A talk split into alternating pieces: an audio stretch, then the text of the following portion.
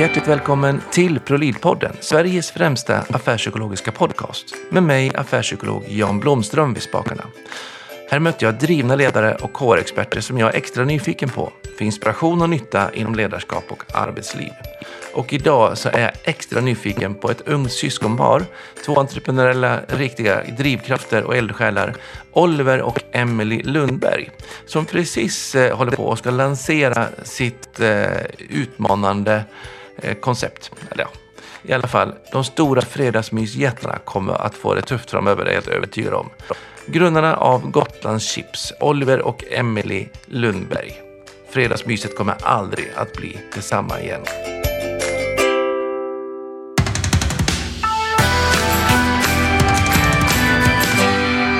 Hjärtligt välkommen till ProLead-podden. Tack så mycket. Ja, precis. det börjar jättebra. Jag är igång. Oliver och Emily Lundberg. Tack, tack. Tack. Vad spännande det ska bli. För till alla ni som lyssnar, jag flyttade till Gotland för sju år sedan. Och eh, nu ska jag faktiskt för första gången ha en gotländskt företag som gäster. Och eh, vad, vad håller ni på med? Vi, är vi är till, ska igång med en tillverkning av chips i Stånga på södra Gotland. Så vi ska tillverka grytfriterade potatischips. Ja, Så det blir eh, Gotlands första chipsfabrik som borde ha funnits för länge sedan. Verkligen. Så OLV och Estrella, de, där, de, får, de står och darrar just nu. det hoppas vi att de gör. Bör de göra. Det bör de göra. ja, det låter bra. Eh, och det kommer vi då prata en hel del kring. Ert liksom, entreprenörsresa kring att liksom skapa den här Gotlandschipsen. Eh, och det ska bli jättespännande att få ta del av. Men eh, bakgrunden lite grann. Stånga nämnde du, det är där du håller till. Men Stånga på Gotland, vad, vad är Stånga för någonting? Ja, det är ett litet samhälle kan man väl säga. Jag vet inte hur- exakt hur många som bor där. Vad kan det vara? 300? Ja, det är liksom själva socknen i sig är nog minst 300. Ja. Så det är ju större än litet, men det är inte liksom... Större än litet men inte så stort. Nej, det finns en ICA-butik och Mm. Stångaspelen är det varje år och det är ju rätt stort. Men, eh, nej, jag vet inte. men den lokalen vi är i har ju varit eh, Arlas gamla mejeri som gjorde Blå Gotlandosten där fram till 2004. Ja. Så den, eh, där var det ju, på den tiden var det typ 40 anställda där. Så det var bland de största arbetsplatserna. Sen finns det ju mycket företag runt omkring i socknen. Med. ja. Betongfabrik finns det till och med. Tillverka... Till och med betong. Ja. Ja. Så alla ni som kommer över på Gotland, åk till Stånga. Jajamän. Det där händer. De har också en jättefin bowlinghall. Eh, ja, och de har mycket annat spännande där borta. Eh, det är faktiskt fördelen tycker jag med, med Gotland att det är många små ställen men det finns hemskt mycket spännande som juveler när man minst anar det. Mm, verkligen. Och det är faktiskt ni en av dem tycker jag. Eh, Oliver, du har ju en liten bakgrund inom musik och revy. Ja, Kan du berätta kort om det? Eh, korta musik. Jag producerar musik i datorn sen eh, rätt ung ålder och sen eh, efter gymnasiet då valde jag att köra det på heltid så då flyttade jag och en kompis in i en studio i Visby och då satt vi där och så var det två andra i samma hus och satt vi och gjorde musik på heltid i, ja, jämt och ständigt. Och vissa lyckade projekt och vissa andra lyckades. Vi gjorde lite egna grejer och lite till andra också. Och du levde på musik ett tag. Ja, jag levde ju inte fett men eh, jag jobbade lite extra hit och dit också men eh, ja, jag körde på fullt liksom. Ja. Revyn då? Hur har den karriären sett ut? det, den är väl... Eh, alltså revy är ju inte mycket till eh, karriär. Nej men, eh, vi, nej men det är ju mest där eh, vi spelar, jag har varit med i revy i Rone, en annan socken då, så här lokalrevy. Ja. Eh, två gånger, eller två uppsättningar man säger. Sen i Gotlandsrevyn jag i Klinte en gång. Eh, så det är de tre gångerna jag spelar revy. Ja, det är ingen jättekarriär. Nej. Men det är väl det och sen har jag väl alltid varit intresserad av eh, att driva liksom, projekt och evenemang och diverse. När vi var runt 15 så gjorde jag och en kompis eh, om en lager till en festlokal så hade vi rätt ordentliga fester för ungdomar då på hela Gotland. Ja. Så det var, det var väl det första man gjorde som var liksom Lite arrangerat. Liksom. Ja, tog- liksom skapa. skapa, skapa liksom typ som ett varumärke kring själva stället och det blev liksom uppskattat. Och, eh, ja, det var något som saknades på Gotland liksom, på den Ja. tiden. Härligt. Eh, Jag har en syster som eh, har varit i revy i alla år. Det var nog därför jag, Ja. jag såg att du har gjort det. Mm. Eh, Emily då? Men lite hur, Mm. vad, vad, vad, vad gjorde du när du var ung? Ja, jag har ju mest ridit. Det känns som att det har jag gjort när alla andra har umgåtts med varandra och fest och sånt. Ja, så Eh, du hängde ut med hästarna? Jag hängde med hästarna och tävlade och eh, så. Ehm, och sen efter gymnasiet så flyttade jag till eh, Helsingborg. Började plugga och jobba och gjort det parallellt med varann sen dess. Ja. Ehm, och tog min examen i somras då. I, Som, kandidat i företagsekonomi. ja. Eh, och då hade jag inriktning ledarskap och organisation. ja. Ehm, Nyttigt in i by- bolagsbyggandet nu. Precis. Och jag började också, det vet jag inte om det var smart eller inte tidsmässigt, men jag började på masterutbildning i ekonomistyrning nu Ja. i januari. Så att eh, det är lite det jag sysslar med samtidigt som annat. ja. Mm. Vad härligt. Ja. Ehm, och Gotlandschips då? Liksom, vad, vad, varför... Ja, man tröttnade på musiken och du var färdig med skolan och sånt där, men liksom, vad, vad, varför var det just chips? Ja, alltså för mig var det mer att jag alltid har velat driva något eget. Ehm, har jag känt mer och mer. Och sen så började du, du har haft mycket idéer, men sen en av idéerna började ju upp för dig på eh, eget sätt liksom. Med, med, Med chipsen? Jaha, Ja. jo. Ja, alltså, grundstenen var väl egentligen i gymnasiet. eh, Då var vi inackorderade i Visby. Då bodde jag där själv. Och sen eh, en kompis pappa var potatisbonde. Så då brukade jag få potatis av dem. Liksom, för man, liksom, man fick ju inga pengar när man gick i gymnasiet. Liksom. Man fick lej på det man fick. Så var det så 25 kilo säckar med potatis och då var det så här, men på natten typ när man satt uppe i datorn och, då, och gjorde musik. Så eh, var man ju sugen på någonting och då skär man, skivade man upp lite potatis och typ stekte eller körde i ugnen lite här och gjorde chips då. Ja. Så då tyckte jag det där var klockrent med gotländska chips. Och sen eh, när vi skulle göra UF-företag då i trean på gymnasiet, då eh, ville jag göra det som UF-företag. Men då fick vi inte göra det eftersom någon hade gjort det sådär fem år innan eller någonting. Liksom. De tyckte Ja. att Nej, men det har redan varit gjort. Liksom. Så att, det är inte som att UF-företag är så himla fantasifulla, men eh, vi fick det inte i alla fall. Eh, så då var det inget mer med det. Och sen satt jag då hemma med han som eh, odlade den där potatisen då som jag brukade ha gett eh, Och så pratade vi lite om det där liksom, för då hade hans, min kompis då lillebror gjort precis samma sak med lite egna chips och sådär. Så började vi prata om det igen och så bara, "Ah, men gotländska chips det måste ju bara finnas, varför har ingen gjort det liksom? Ja. Den givna frågan. Ja, och då, kom, då säger man ju såklart att ja, men det kan inte vara så svårt. Ja. Och då sitter man där. nu har vi en fabrik i Stånga liksom. Ja. Och eh, nära på en lansering liksom. Så så blev det. Skitspännande. Och eh, era relation då? ja, den har väl alltid varit en typ vanlig klassisk syskonrelation. Inget, alltså vi har inte gjort mycket tillsammans innan så. Nej. Vi är ju ganska nära i ålder. Du hoppade upp en klass och så vi har en del gemensamma vänner så, så att, men vi har ändå inte umgåtts mer eller gjort mer projekt tillsammans än någon Ja, vi har annan aldrig gjort innan. något. eh, Så det är liksom första grejen som ni... Ja, gör. det Och är det. ni det rejält. Ja, Ja. vi kör ordentligt med en gång. Ja, men, ja, men det kompletterar varandra så himla bra också. Det som är mm. Emily tycker sånt är roligt som jag tycker är tråkigt och tvärtom. Så att det är, det är klockrent. Och så funkar vi ganska lika så vi förstår varandra bra. Ja. Ehm, så vi, även om vi såklart blir jätteirriterade på varandra ibland, vilket man ju blir när man eh, har den relation vi har, så lyckas vi ändå alltid... Alltså det blir aldrig något problem av det för att vi liksom funkar likadant och så. Och har man då olika intressen tänker jag också så, så behöver man inte konkurrera. Ja, exakt. Nej, verkligen liksom, inte. Man, man kan verkligen få vara och briljera på varsina områden. Mm. Ja. Och så har vi samma drivkraft för det eh, samtidigt. Så att, Ja. Sen känns det som det är lättare också när man är syskon på något vis. Alltså det är inte den här, hade det varit en kompis, en jättebra kompis så blir det ändå att det finns något eget intresse på ett annat sätt. Är man syskon då har man samma eget intresse, alltså 50-50 och inget mer liksom. Hade det varit en kompis så hade men jag har ju lagt 20 timmar mer på det här nu. Alltså Ja, det är lätt att det kan bli... sån intriger liksom. Ja. Det känns som vi slipper det rätt mycket Jo. nu. Men eh, ni har företag i familjen tidigare eller hur har det sett ut? ja, alltså både våra föräldrar är egenföretagare i grund och botten. När vi var små var de det. Ja, Eh, pappa är bonde och mamma har haft, eh, eller har, en, ett företag där hon syr saker i lammskinn. Ja. Ehm, jag har gjort Så- mycket till GAD till exempel. ja, precis. Eh, så vi är uppväxta med det livet liksom. ja. Och Gaddi är då ett gotländskt möbelmärke. Mm, precis. För någon som Så lyssnar. all lammskinn på deras grejer har mamma gjort mycket. Klätt in och hållit på. Då har vi kanske hennes alster inne hos eh, där jag bor. Ja, det kanske. Möjligt. Kan hälsa och tacka i så fall. ja. Trivs bra med dem.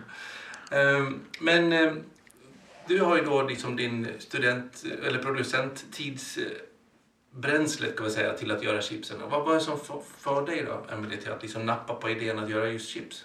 Men det är väl just den här grejen om att ha något eget som är liksom drivkraften. Det kan Att- vara vilket som helst liksom. Jo, det hade det egentligen kunnat varit. Men i och med att jag har jobbat inom livsmedelstillverkning eh, ganska länge under min studieperiod så mm, eh, jag tycker det är ganska kul liksom. Ehm, och då blir det att det i kombination med själva företagandet känns liksom rätt. Och jag tycker det, alltså när du kom med idén om gjorda affärsplaner kände man ju jävlar vilken bra idé. Ja, och då, ja, ja, då då fortsätter man ju. bli. Nej, verkligen inte. Den där med produktion också. Det är, Gotland är ju liksom begränsat. Liksom. Det är ju på en ö, så då får man ju ta det bästa som finns på ön. Och det är liksom, du kan ju öppna en butik av diverse saker och göra det ena och det andra, men en produktion, liksom en fabrik av något slag där du har kunder över hela Sverige, det är ju det bästa man kan få ut av det. Liksom. Då har du inte begränsat till området. Nej. Här är ju säsong, liksom, så det är jättemånga som har säsongsverksamhet där, men då är det begränsat till de här månaderna. Ja. Nu är vi liksom, ja men säljer vi för lite på hemsidan, då säljer vi mer där och säljer vi liksom, det är bara utöka liksom, det finns inga gränser känns det som. Nej. Det är det som känns roligt. Och vad skiljer då era Gotlandschips ifrån de andra etablerade fredagsmysjättarna? Ja, dels så är vi ju näst först i världen med en fossilfri chipstillverkning. Eh, jag vet att många av de större jättarna jobbar ju hårt för att bli det eftersom de har liksom de har ju kört länge så det är en stor omställning för dem. Ja. Och vi passar på att göra det rätt från början. Liksom. liksom. Ja, och då är det liksom gotländsk biogas för tusen drivs på till exempel. Ja. Så det blir... eh, Det blir alltså chips är ju chips. Går du till chipshyllan och köper fyra olika grytfriterade chips så är de inte jättestora. Det är kryddningen, det sitter ju själva varumärket runt omkring. Det är lite olika krispighet och vi tycker att vi har hittat rätt krispighet för jämförelse med de andra. Man vill inte nämna märken, men vissa märken har stenhårda chips så det känns som att käka knäckebröd. Ja. Vissa är så tunna och spröda så de har nästan smulat sönder sig på påsen. Så att vi tycker att vi hittar optimala nivån på det. Så, så alla de har missat men ni har hittat rätt? Nej, men de har valt att göra så. Ja. Eh, Dels för effektiviteten, för att gör du dem stenhårda så går det fortare att tillverka dem. Mm. Eh, Vi satsar hellre på att låta det ta lite mer tid och, och få liksom den krispigheten. Mm. Så de gör det snabbt och effektivt, men det blir inte samma resultat som vi vill ha. Och sen har ni en tjockare påse har jag förstått. Mm, vi har... Ja, det har vi. Vi har en påse man kan sortera som papper. Ehm, Och fler och fler börjar väl gå mot det hållet, men just den här materialkombinationen är vi först med enligt påstillverkaren. Så det är ett Ja. material de har tagit fram nyligen, så det är FSC-certifierat papper till och med och bra på många sätt. Ja. Så och det hänger också lite ihop med att vi vill göra rätt från början. Alltså vi hade ju kunnat kört på sam, eller liknande påsmaterial som andra som är lite billigare och går snabbare att ta fram. Mm. Ehm, som går bättre i packmaskin också. Ja, Nu har vi med. problem med det här för att det är liksom så tjockt. För det är också känslan i produkten och köparen. Alltså det ska inte vara plastigt och fladdrigt och det ska vara liksom det här lite mustigt har vi betecknat det som. Mustigt. Genuint. ja, nej men alltså vill man ha ett varumärke som eh, känns lite extra och liksom det ska leva upp till Gotland som varumärke och då måste det vara bra från påse. Det är samma att vi har en pilfilm på insidan av påsen för att den ska vara mer lättöppnad. Så du ska kunna öppna hela påsen utan att du river upp någonting. Ja, Du öppnar den liksom bara som en eh, så här nypa ut. Ja. Ehm, och att den blir följsam då, att den inte rivs upp. Och det är sådana här detaljer som man liksom tänker att det är väl inte så himla viktigt men jag tycker det när jag köper en chipspåse. Om det är en ihopsvetsad påse så är den liksom bara att du river upp halvpåsen så är det Ja, så allt. går det som hela Ja. långsidan också. För då ser du inte påsen sen. Det är synd om den är fin. Precis. Ja, men eh, ni har tänkt till lite grann. Känns som det. Ja, känns som vi har varit tvungna att göra det. Eller så. Ja, för att man är så himla rädd för att leverera något, något man inte känner sig att det ska vara hela vägen liksom. Ja. Från potatisen i jorden till när man äter den hemma så ska det vara liksom genomtänkt. Mm, precis. Och var kommer potatisen ifrån? Är det fortfarande kompisens farsa? Nej. Eh, det var på grund av att han inte hade tvätteri så tog vi inte genom han från början utan då var det på Tollbygård i Fole. Men det slöt med att vi tvättade och lagrade själva nu. Mm. På grund av att det blev smidigare för oss i längden. Ja. Det var också en sån här extra grej som tillkom under resans gång. Liksom. Sånt där som man upptäcker när den här idén inte var så enkel längre. Nej, det har vi verkligen fått erfara. Det har ju tagit, eh, sen vi skrev affärsplanen till nu när vi snart har lansering, det är ju vad är det, 15 månader, 16 månader. Mm, augusti 2018 Ja. till en... Ja, då skrev jag affärsplanen. Ja. Och vi hade någon eh, gullig idé om att vi skulle börja sälja innan förra sommaren. Ja. Men eh, Hur svårt kunde det vara? precis, hur svårt kunde det vara? Ja. Men eh, vi har ju märkt att saker tar längre tid och så hela tiden. Och det kommer det väl göra framöver också, förstår man nu. Men eh, Just Ja, att det det, får man väl gissa vad ödmjuk inför. Att Mm. allting tar längre tid. precis. sen just att det är begagnade maskiner i stort sett nästan allting. Ja. Köpte från olika delar av världen så det plockas ihop och hela fritösen har ju byggts om med eh, en gotlänning har programmerat ett nytt styrsystem så för det var ju nytt för hand liksom och så nya elmotorer och en bättre begagnad gasbrännare. Och sen att få den att funka med biogas med, för att då har vi ju sådana växelflak som man har när man eh, tankar biogasbilar Ja. som Brogas kör med. För, att då, är- för biogas är har du komprimerad biogas som det som är det man tankar bilarna med då, den, då tar den inte upp så mycket plats. Men eh, har du rågas som är det typ som Arla och slakteriet i stan, de får ju rågas direkt ifrån Bro. Men då ligger den på 10 bars tryck och den tar upp mycket mer volym. Ja. Men då har de en pipeline från Bro så då spelar det ingen roll. Nej, för det bara mata på. liksom. Ja, vi kan inte dra en pipeline från Bro till Stånga liksom.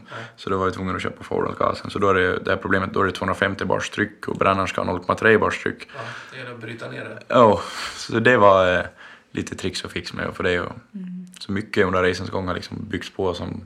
Mm. Men allt går ju att lösa liksom. Men det är ju spännande med att vara, bygga verksamhet. Att man, blir, man måste bli expert på många fronter. ja, verkligen. På typ alla till slut, känns det som. Ja. Och har man tur så känner man sig expert på alla.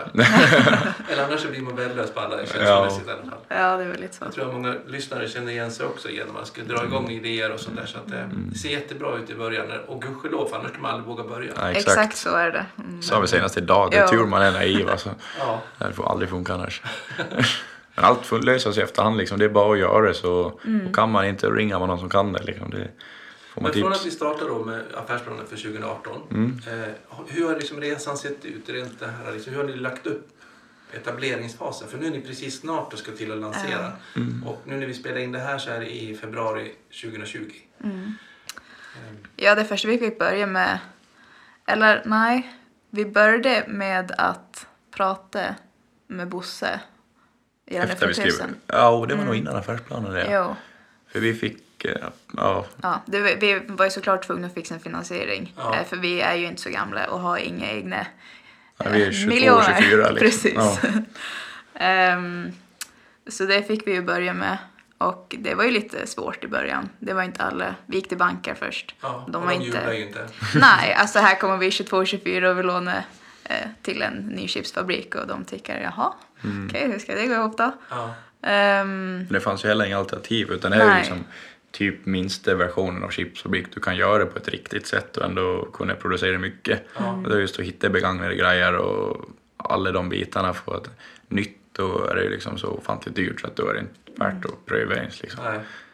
Så det Och är det mindre så är det ingen idé att försöka sälja. Nej, exakt. Då säljer man bara lokalt. Ja, det blir ju ingen volymprodukt av det och då är det ingen idé att hålla på med det. Liksom. Då blir det bara hopp i verksamhet. Och det är, det var därför vi kände att vi behövde lägga oss på den nivån vi har lagt oss på eh, kapacitetmässigt på maskinerna. mm. Men hur fick ni till finansieringen då till slut? Ni Ja. väntade att ni blev ett halvt år äldre. Jag har gått och funderat på det ett halvår till nu vill jag... Nej. Men eh, ja, de här eh, storbankerna de har ju lite hårdare, hårdare direktiv eller vad man ska säga. De hade ju korta avskrivningsplaner och de var liksom...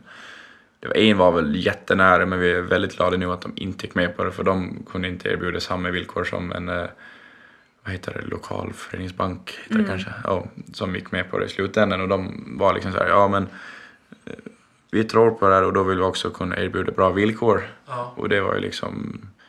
Det var var- typ lite vår räddning faktiskt. Ja, det var ju det. Och att det blir ett team liksom. Att man känner att de är liksom med på banan. Och de är Precis. tvärs över vägen från fabriken. Ja.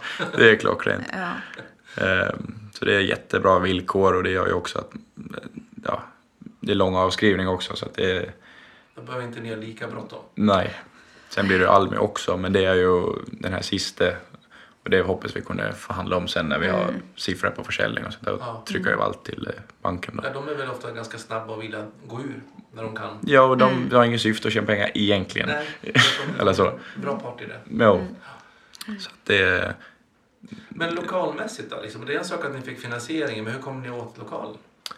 Det var egentligen ren tur att vi fick kontakt med Mm. eh, Lars-Erik då som vi hyr av.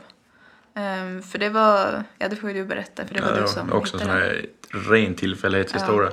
Jag var inne på Visby strand på julmarknaden och sålde lite biljetter till en revy då. och då eh, så böt jag av mig och tog kaffe och så gick jag runt och kollade på alla andra grejer. Så var det en som sålde så här hembygdsböcker, din hembygd Gotland. Så var jag lite nyfiken på det, så gick jag fram och pratade och frågade vart jag kom ifrån och bla bla bla. Och sen började han prata om chips, för då hade vi pratat något utåt om chips. Och då frågade han vart vi ska vara. Jag hade ingen aning liksom. Och han, ja men Stånga, Stånga mejeri där, det är ju jättebra lokal där. Det är ju, eh, ja men det är kolla, kolla, kolla. Jaha, ja det kanske man ska kolla. Jag visste inte ens att det var liksom lokala för uthyrning. Nej. Sen ringde Lars-Erik då direkt och sen åkte jag dit dagen efter och det var liksom klockrent. Och som bonus är då Lars-Erik elektriker och springer där alla dagar. Ja. Han är liksom, inte pensionerad sig men han har eh, trappan ner kan man Ja, säga. så han är där varje dag och han har gjort alla in- elinstallationer och det är klockrent för att ta in en elektriker för all de jobb som har blivit gjorda. Det hade varit dels extremt mycket mer komplicerat och mycket dyrare Ja. än ha någon. För att han har ett eget, eget intresse också. Han liksom funderar på natten hur ska han lösa det där och klura på sådana saker. Liksom. Det blev hans lilla projekt. Ja, men lite så. Ja. Han har tyckt det varit jättekul, tror jag. Jo, det tror jag med. Eller man hoppas det Ja, i men det är slutändan nu när men det det är det. Nytt för han liksom också, Ja. så det, det har varit jättebra liksom. Ja. Det hade varit jättesvårt att göra det någon annanstans utan en inhouse elektriker eller vad man ska säga. Men hur, hur styr ni det då? För jag tänker att liksom när man har några här som hjälper lite så här halvinofficiellt Mm. eh, så är man ju både liksom tacksam för att de hjälper och så vågar man inte sätta några krav samtidigt som att man har sin vision som gör att man måste sätta krav. Hur har ni balanserat det? Alltså de får ju betalt. så att eh, Ja. de är ju glada för att få jobb också. Eller Ja. så. För det är en vaktmästare som heter Ola, anställd på eh, halvtid, nej eh, nästan heltid, på eh, samma ställe. Så han och Lars-Erik jobbar ju där varje dag. De har, lite- det är lite andra verksamheter på samma ställe så det är eh, köttstyckeri och gym och lite så, så de har lite pyssel med lokalen hela tiden för det är liksom ja, ja. efterhållet. Eh, vilket då, jag menar, han, Ola behöver någonting att göra, han tycker det är kul och Lars-Erik tycker det är roligt och liksom då och de vet ju vart, vad vi vill, vi visar det. Så här ska det se ut och så här kommer det funka. Eller Lars-Erik fick se en film från en annan chipsfabrik, sen fick han se ritningar där jag ritade upp vart maskinerna ska stå. Ja. Och så visste han, då kan någon dra kablar dit och dit och dit. Så han, han fick ganska tidigt se målbilden också. Eh, så de har väl liksom varit med på tåget hela vägen. Ja. Eh, vilket var klockrent. Alla maskiner och sånt där från världen liksom. Ja. Hur har ni fångat upp dem? Ja, det är ju... Googlar man eller vad gör man? Det, det, först var man tvungen att veta, ja det är Bosse. liksom. Först var man tvungen att veta vad man skulle ha, alltså vad behöver ingå i en eh, chipslinje Ja. för att göra det. Och sen så hade vi kontakt med Bosse och han har hjälpt oss enormt mycket med det. Mm. Och vem är Bosse liksom? Han är Alla en behöver s- mer än Bosse. Ja, Ja, verkligen. han är klockren. Ja, han är en snackskonsult kallar han sig för. Ja. Ehm, lite äldre. Mm, han är nog över 70 någonstans. Ja. Han jobbar ännu flitigt. Han har jobbat mycket i England och varit, han åker runt liksom i hela världen och startar upp chipsfabriker och sen eh, har han företag som säljer och köper begagnade grejer. Ja. Och så han har varit med i branschen i liksom över 50 år. Alltså han har liksom ett kontaktnät. Ja, det är inte, Så alltså, det chipsvärlden är inte stor men han känner alla liksom. Ja. Eh, Så man kan skicka mejl till honom och fråga. Sen svarar han ursäkta, jag säger inte svar, jag är nere i Dubai och startar en pelletslinje liksom. Så jag bara, jaha. Men det, han, är, nej, men han har liksom jättemycket hjälp. För han har inte ens fick vara i ni. Ja, han har inte varit nere ännu faktiskt. Nej men du, Så han har vi hittat lite begagnade grejer genom. Han hade en kompis i USA som sålde fritösen bland annat. Ja. Ehm, sen hade han köpt in några packmaskiner och vågar. Så att det är väl det som gör också att han vill hjälpa till eftersom vi har köpt genom han. Så, så, Ja. annars, hade det varit, annars hade han ju tagit betalt för sitt arbete. Liksom. Nu Ja. blir det Lite mer kundvård liksom. precis. Jaha, men då fick ni till den där produktionslinjen. Ni Mm. har fått lokal, ni fick finansiering, lokal och sen började ni få in utrustningen och börja montera ihop det. Liksom. Ja. Vad, vad, hur, när började det liksom bli på riktigt för er? alltså det känns faktiskt som att det först blev på riktigt när vi kunde fritera där. För Ja. mig i alla fall. Ja. ja, du har inte varit där varje dag. Nej precis. Det har ju varit så här nu under det sista året eller under åt- uppbyggnaden. Då är Emily fokuserad på sin studie. Hon blir klar i... Det, ja, Det jag, kan du berätta. ja, men det sa jag innan. Men eh, jag har inte varit på plats lika mycket som Oliver. Nej, Eftersom att, du har varit och pluggat. precis, så jag har liksom skött ekonomin och bokföringen typ. Eh, och du har... Betala alla fakturor liksom. Exakt. Det har varit jätteskönt för att det är så, här, så himla stress och press annars. Så, speciellt när jag inte kom sådana saker med papper. Alltså, och den där byggd, I början så gjorde jag det själv men då bygger man på den där brevhögen med räknaren. Så nej, nu måste jag ta ett tag. Så gör man det. Men sen efterhand kunde vi lägga över så att eh, nu fick jag bara det och så gav det vidare. Behövde jag tänka på det, jag bara tänkt på det som skedde i Stånga. Och det har varit jättebra. Ja, det är precis som att allt som har med ett papper att göra, det är Oliver. Sträcker ut handen långt, här, ta det. Ja. Och det är jätteskönt. Ja. Men det är samma med allt som hände i Stånga, så här, när ni byggde ihop allting. Jag var ju inte så, jag var inte där och skröv på någonting, eller skruvade. Nej. För att eh, det var inte min grej liksom. Mm. Alltså det är väl någonting som många företagare inte gör tillräckligt tidigt ska jag vilja säga. Man kämpar och ska göra allt. Istället för att faktiskt gå in i sig själv lite och fundera på vad är jag faktiskt stark och bra på. Och det andra faktiskt se till att man har antingen kollegor eller att man tar hjälp. Mm. För att där, där tjänar man alltid med både pengar och framgång på i, i slutändan. Men vi har ju fått extremt bra hjälp av andra som har ju kunnat saker vi inte har kunnat från början. Mm. Alltså de är ovärderliga liksom, utan de hade det aldrig gått. Ja. Det vi har börjat med. Ja, det är det verkligen klockrent. Alltså, minsta sak som man bara, nej nu fattar jag inte, vad ska, hur ska vi göra det här liksom? Då kollar man lite, och, alltså det är alltid så, ringer du en, kanske inte han har svaret, men du kan alltid tipsa alltid om någon annan. Sen till slut hamnar du vid rätt person, så på fem minuter har du liksom löst problemet. Ja. Det är det där med att våga ta hjälp liksom. Ja, Ja, så, hjälp. så att eh, ingenting är svårt egentligen, alltså det är bara att vara lite, ha lite självinsikt och bara, Han var lite lösningsorienterad typ. ja men typ bara, och bara göra det. Ja. Så löser det sig liksom. Fan vilken skön inställning. Eh, Men eh, när jag hade ni första friteringen då? När var det första chipset färdigt? Eller när kom det ut i grytan? Det var i, vad var det? Nu är månadsskifte nu. Eh, I slutet av januari va? Jo, då hade, vi hade så här krydduppstart. Eh, de var nere och programmerade upp eh, kryddmaskinen. Ja. Och då var liksom, för de ska ju ha lite tid i förväg så att allt sånt där som ska bokas lång tid innan bokar man lite tight så att det blir lite bråttom så att det blir lite mer gjort. Ja, Och det var konstigt. på, ja, ja, men det var bra att göra så för att ehm, de, de, alla de här sista bitarna man kände bara okej, om vi ska fritera det på onsdag för, att, för de vill ha chips fram till kryddmaskinen för att kunna starta den. Så det var liksom, allt har ju varit så moment 22 hela tiden. Ja. Liksom. Det måste vara klart för att det ska bli klart och det ska bli klart. Kan man göra allt samtidigt hade det gått jättefort. Men då, ehm, ja då blir det, det datumet kommer de att starta kryddmaskinen och då ska man chips fram till kryddmaskinen. Ja, Och på fredagen innan onsdagen då friterade vi det första. ja. Så då fan frågade jag på fredagen, "Ja, men har ni chips fram till kryddmaskinen? Nu har vi. Lite så var det. Ja. ja. Fake, vet du, vänta, make, vänta. Vad är det man säger då? Att det då? Um, fake it until you make it. Exakt. Ja, så är det väldigt mycket. Ja. Men det betyder att ni har precis stört igång och, och hur har det liksom tiden sedan första liksom kryddningen och, och friteringen sett ut då? Har ni liksom stått där vid grytorna och friterat hela tiden nu eller vad? Ja, nästan till. Alltså, vi, har, vi har ju fått eh, optimera recepten utifrån hur mycket kryddor vi ska ha och hur länge den ska gå i fritösen. ehm, tills att vi tyckte att det var bra. Liksom. Det här är vi nöjda med. Och då har vi därefter börjat bygga upp ett lager Mm. ehm, som vi håller på med nu då. Eh, för att ha en liten buffert innan vi kan börja sälja på riktigt. Mm. Vi har ju noll uppfattning om hur mycket vi kommer att sälja. Vi ska ju försöka lansera över hela Gotlands livsmedelsbutik till en början. Och det kan liksom vara, ja det kan vara en pall som går på en månad och det kan vara fem och det kan vara tio. Vi har ingen aning så vi bygger Nej. upp med fem pallar per smak. Och hur eh, hanterar ni den ångesten? Det känns som den minsta ångesten liksom. Ja, alltså det har ju nog varit mer ångest de senaste 15 månaderna än vad det är nu. Ja. Det bara- Faktiskt. ligger de där på, på travarna? Ja, men nu ser man dem. Nu vet man att det funkar och det finns på riktigt liksom. Så då... Då ser vi att vi fysiskt har pengar egentligen som kan, så det kan börja vända liksom. Ja. Ja, det är inte bara utgifter utan det Exakt. finns en chans att det kommer lite Mm. eventuellt. Vad var det, så har vi 300 verifikationer gjort. Ja, nu är den uppe i 330 tror jag. Ja. Det är liksom, men, to- men liksom, är ni uthålliga i det? Liksom? Eller får ni liksom panik över ekonomin?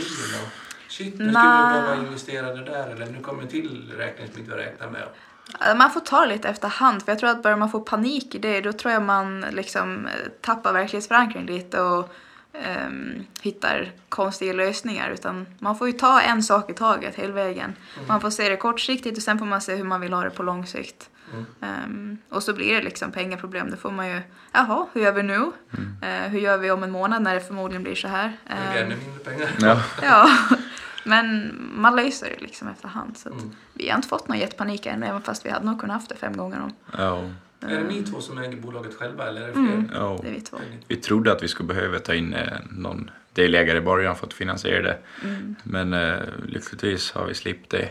Eh, förhoppningsvis Vi hoppas väl lite att har vi klarat det så här långt eh, så borde vi kunna undvika, eller inte undvika det, det vill man väl kanske på lång sikt, men eh, nu bara för att klara pengadelen Ja. eh, så hoppas vi att vi inte behöver Mm. göra det.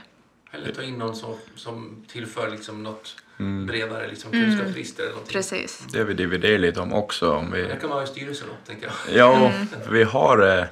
eh, Vi tycker att vi hittar rätt personer att eh, hjälpa oss med liksom vägle- vägledning och kunskap eh, utanför ändå som än så länge är villiga liksom att bidra med det. Ja.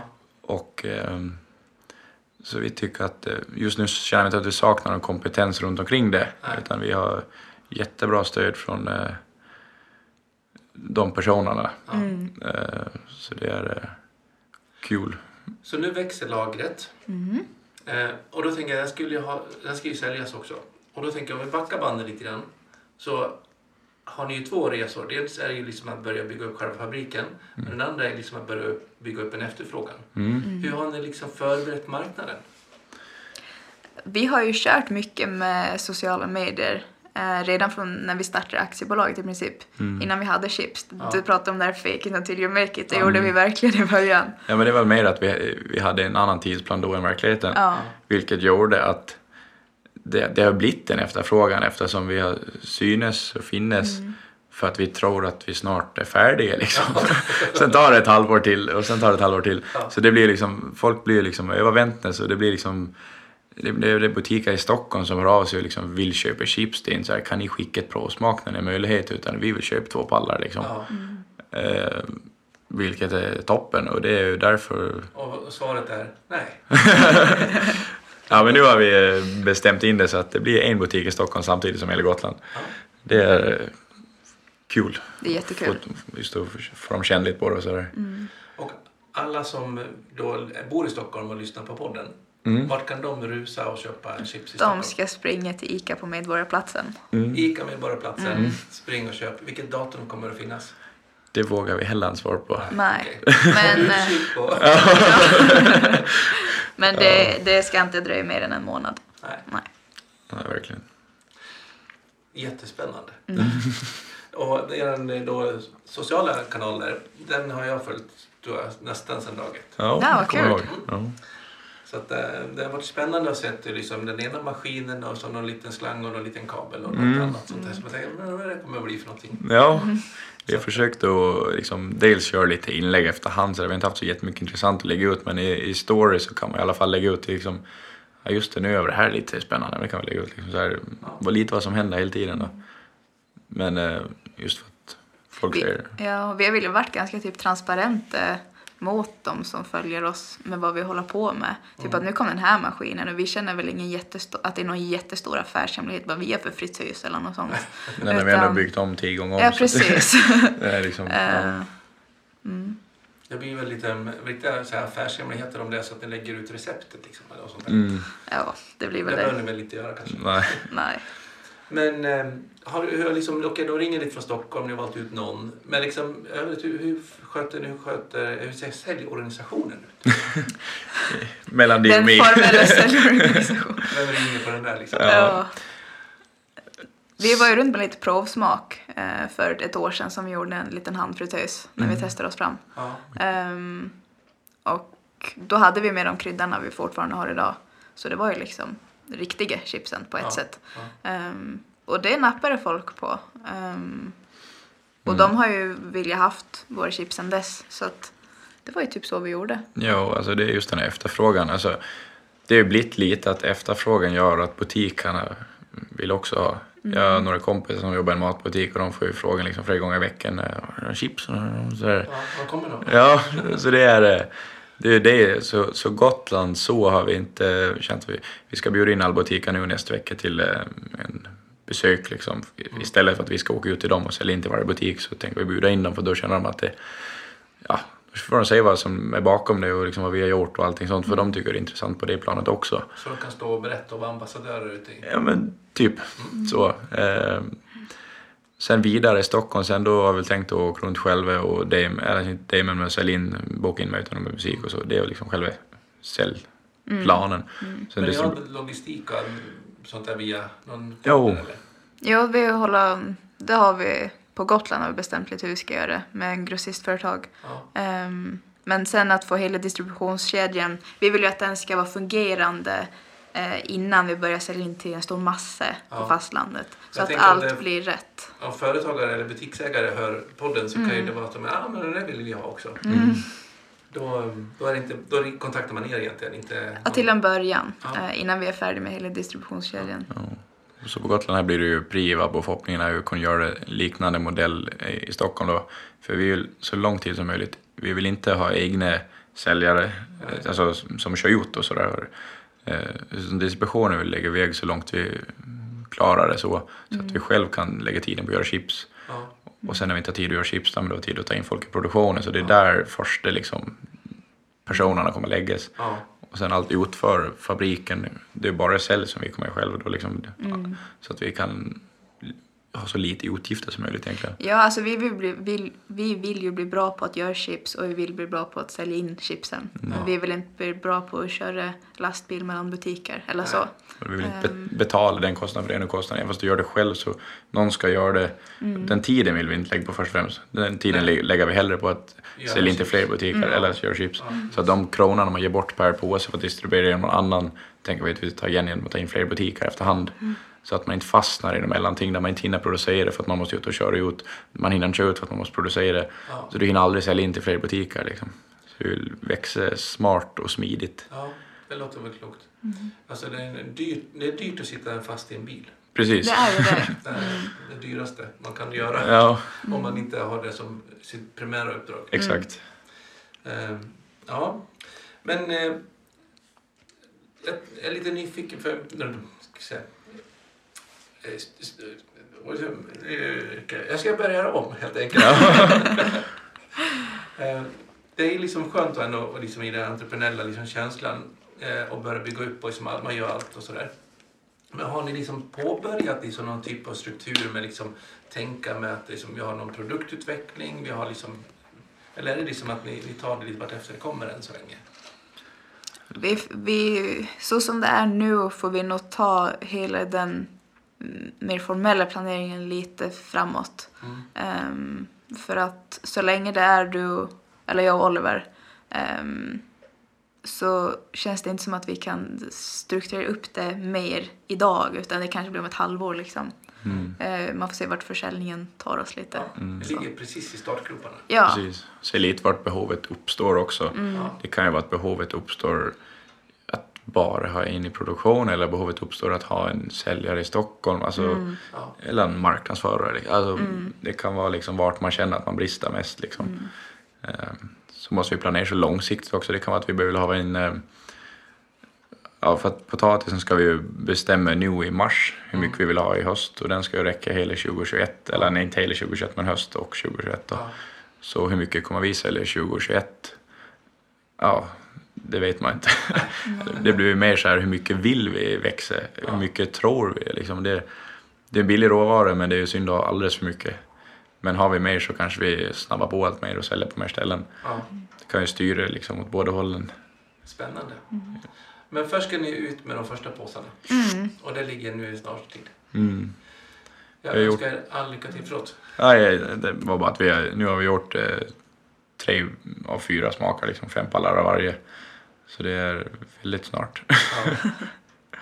Jättespännande. Det ska bli så kul att få följa er resa vidare. ja, roligt. Eh, Jättekul. Jättekul att få ta del av hur ni har resonerat. Och Mm. Jag önskar er jättelycka till framöver. stort Tack så jättemycket. Ja. Vad roligt. Och eh, Gotlands chips till alla ni som lyssnar. Och håll span ute i butikerna. Och följ på sociala medier misstänker jag. Gärna, Eh, väldigt gärna. Facebook, Instagram, Ja. var det allt? Ja, Ja. Ja. det är där vi finns som mest. Och där kan man också få kontakt med er om det är så att man vill. Precis. Mm. Sen har vi en hemsida också, men den har vi inte liksom lanserat utan det är bara eh, ra- Ja. ren bild med kontaktuppgifter. Liksom, Ja, så där finns ju våra eh, mejluppgifter. Så det- Suveränt. Tusen tack. Tack så jättemycket. Gillar du också avsnittet? Ja, gilla, dela och kommentera då gärna ProLead på din plattform. På Facebook, Instagram, Twitter eller på LinkedIn. Och eh, var en del av vår talangaccelererande miljö. Och du vet väl också att du kan besöka oss på prolid.se för att ta del av hur vi jobbar med att talangaccelerera Sveriges arbetsliv genom de tjänster, utbildningar, böcker, bloggar och podcast som vi har. Och sen såklart, följ mig jättegärna på LinkedIn så kan vi hänga där. Eh, man vet aldrig riktigt vad våra nätverk kan ta oss vidare till. Så att eh, Jan Blomström på LinkedIn och tills vi hörs igen, ha en riktigt bra dag.